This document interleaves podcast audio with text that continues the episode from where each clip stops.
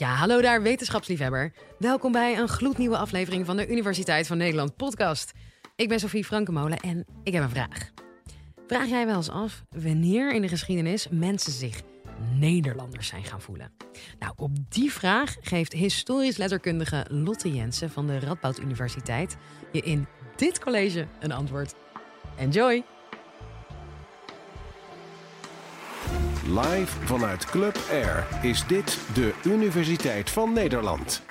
Ik zou graag willen beginnen met een gedachte-experiment. Jullie zijn zojuist allemaal hier binnengekomen, maar stel je nu voor dat je bij de ingang je paspoort had moeten inleveren. Maar in ruil daarvoor mag je een andere nationaliteit uitkiezen. Mijn vraag is dan, wat zou je willen worden? Welke nationaliteit zou je kiezen? Iemand. Wie zou er graag Amerikaan worden? Eentje. Duitser misschien. Lekker dicht bij huis. Ja, Scandinavisch. Kijk, nu gaan er wat handen omhoog. Dat doet me deugd. Russisch? Niemand. Frans dan? Zuidelijker? Ja, Frans doet het goed. Italiaans? Spaans? Nou, voor mij zou deze vraag heel makkelijk te beantwoorden zijn, want ik zou dolgraag Nederlander willen worden. Dit is mijn paspoort. Het is een Deens paspoort. En wat zou ik graag Nederlander worden? Het land waar ik al zo lang woon en waar ik me vertrouwd voel met de mensen en gewoontes. Ik hou echt van Nederland. Ik heb ook geprobeerd om Nederlander te worden. Uh, toen ik net afgestudeerd was, uh, Nederlandse taal en letterkunde. Toen ging ik naar de gemeente, in Utrecht was dat. En ik zei, wat moet ik doen om Nederlander te worden? Nou, zei de ambtenaar, dan moet u een taaltest afleggen.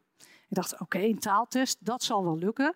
Dus ik zei tegen hem, nou, wat vindt u van een doctoraal diploma Nederlandse taal en letterkunde? Is dat misschien genoeg?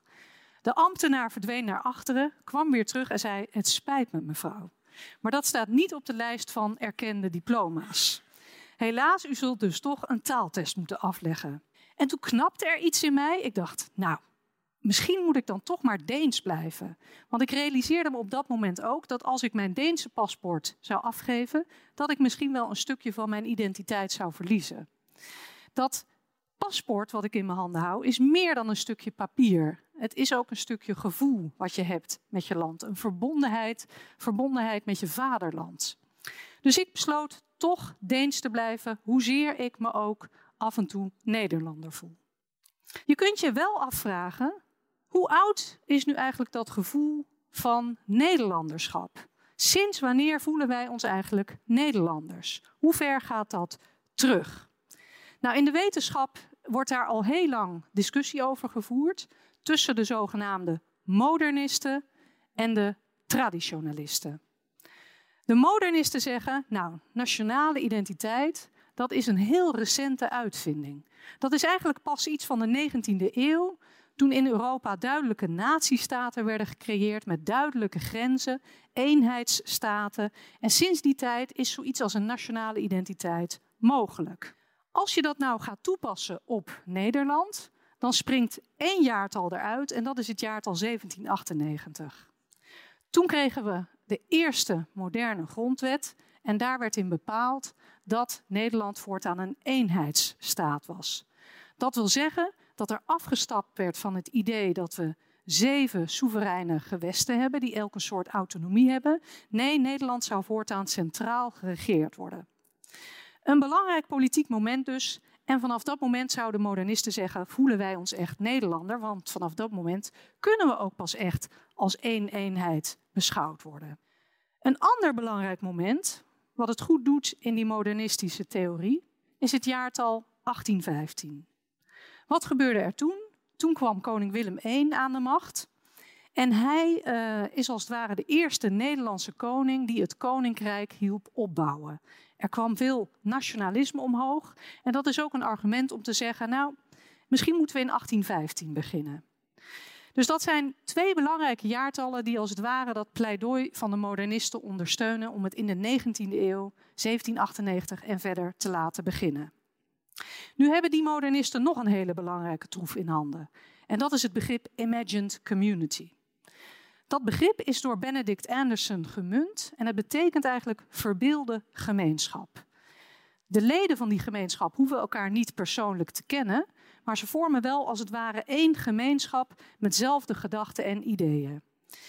Nou, zegt Benedict Anderson, die nationale identiteit heeft vorm gekregen dankzij de opkomst van de massamedia.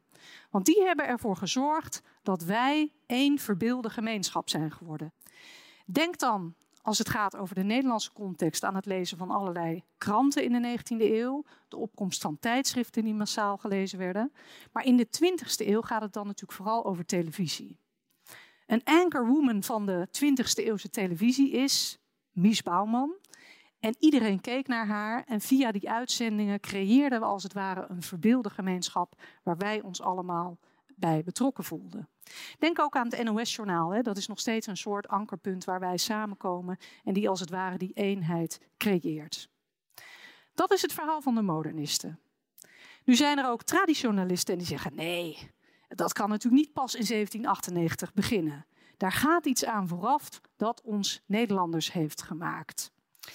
Maar de vraag is dan, en daar zijn de traditionalisten het niet helemaal met elkaar eens, hoe ver moeten we teruggaan? Moeten we 2000 jaar teruggaan naar de Bataven, de oudste bewoners van dit grondgebied? En dan zitten we in de tijd van de Romeinen.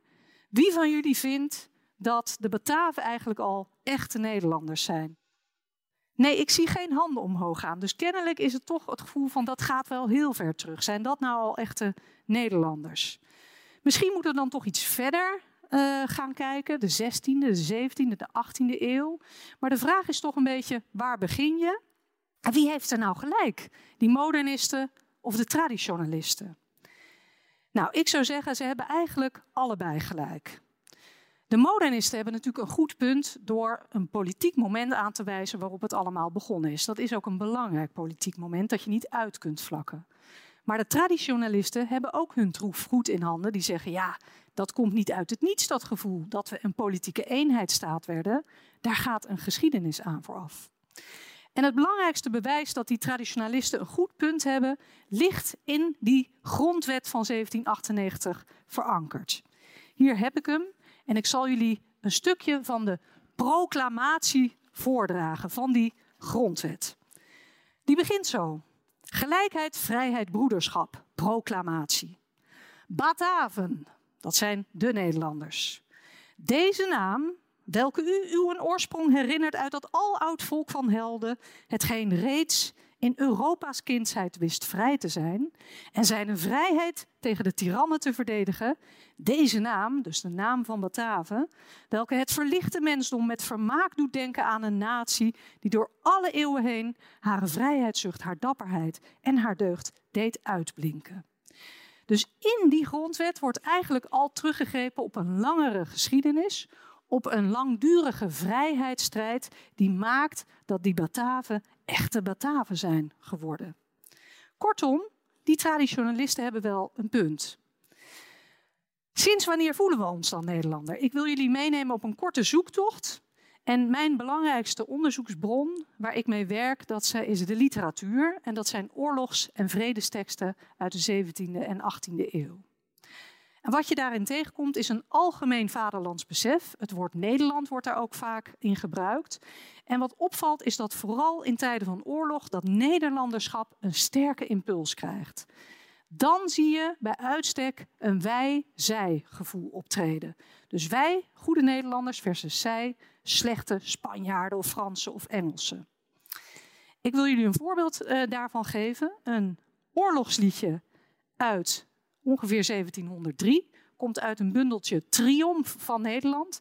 En het is gericht tegen de Fransen.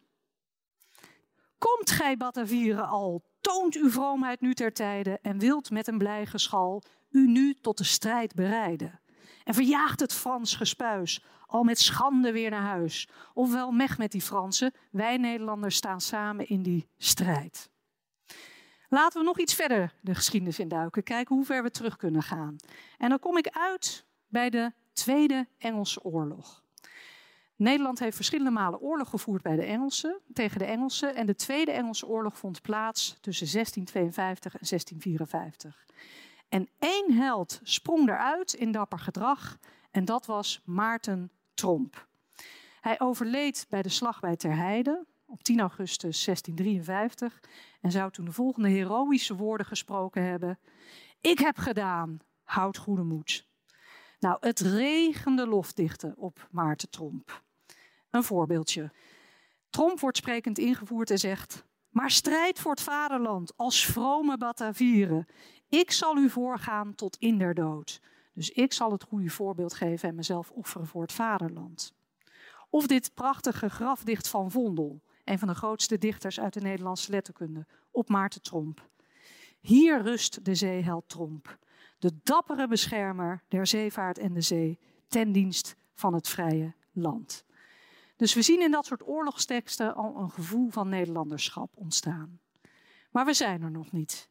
Ik wil nog een stukje verder terugduiken in de geschiedenis en dan kom ik op het jaartal 1648 uit.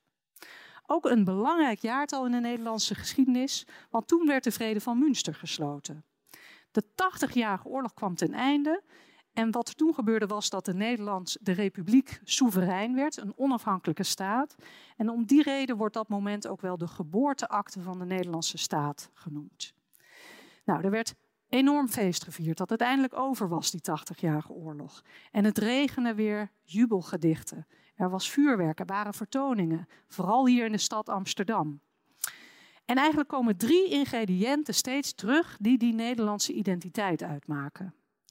Ten eerste het idee dat de Nederlanders het uitverkoren volk van God zijn. Dat slaat op de protestantse identiteit, maar ze hebben een soort uitverkoren positie in dat stelsel van volkeren. Ten tweede een grootse verheerlijking van de vaderlandse helden die hebben geholpen in die strijd tegen de Spanjaarden. En daar spelen de Oranjes opvallend vaak een rol in, bijvoorbeeld Willem van Oranje.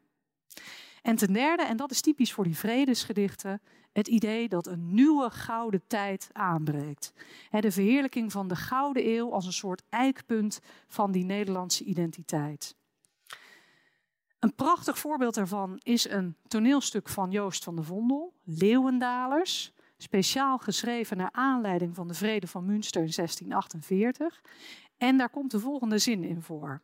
Hij schetst een soort paradijselijke situatie, het ideale Nederland, en zegt dan: De koeien geven melk en room.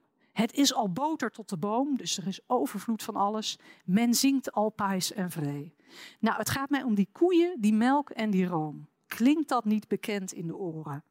Jawel, als je een willekeurige souvenirshop inloopt vandaag de dag, kun je dit soort attributen kopen. Koe, melk, kaas, dat zijn de attributen van Nederland. Als het ware kun je die al met de paplepel ingieten. En die lijn loopt helemaal terug tot Vondel, naar aanleiding van de vrede van Münster.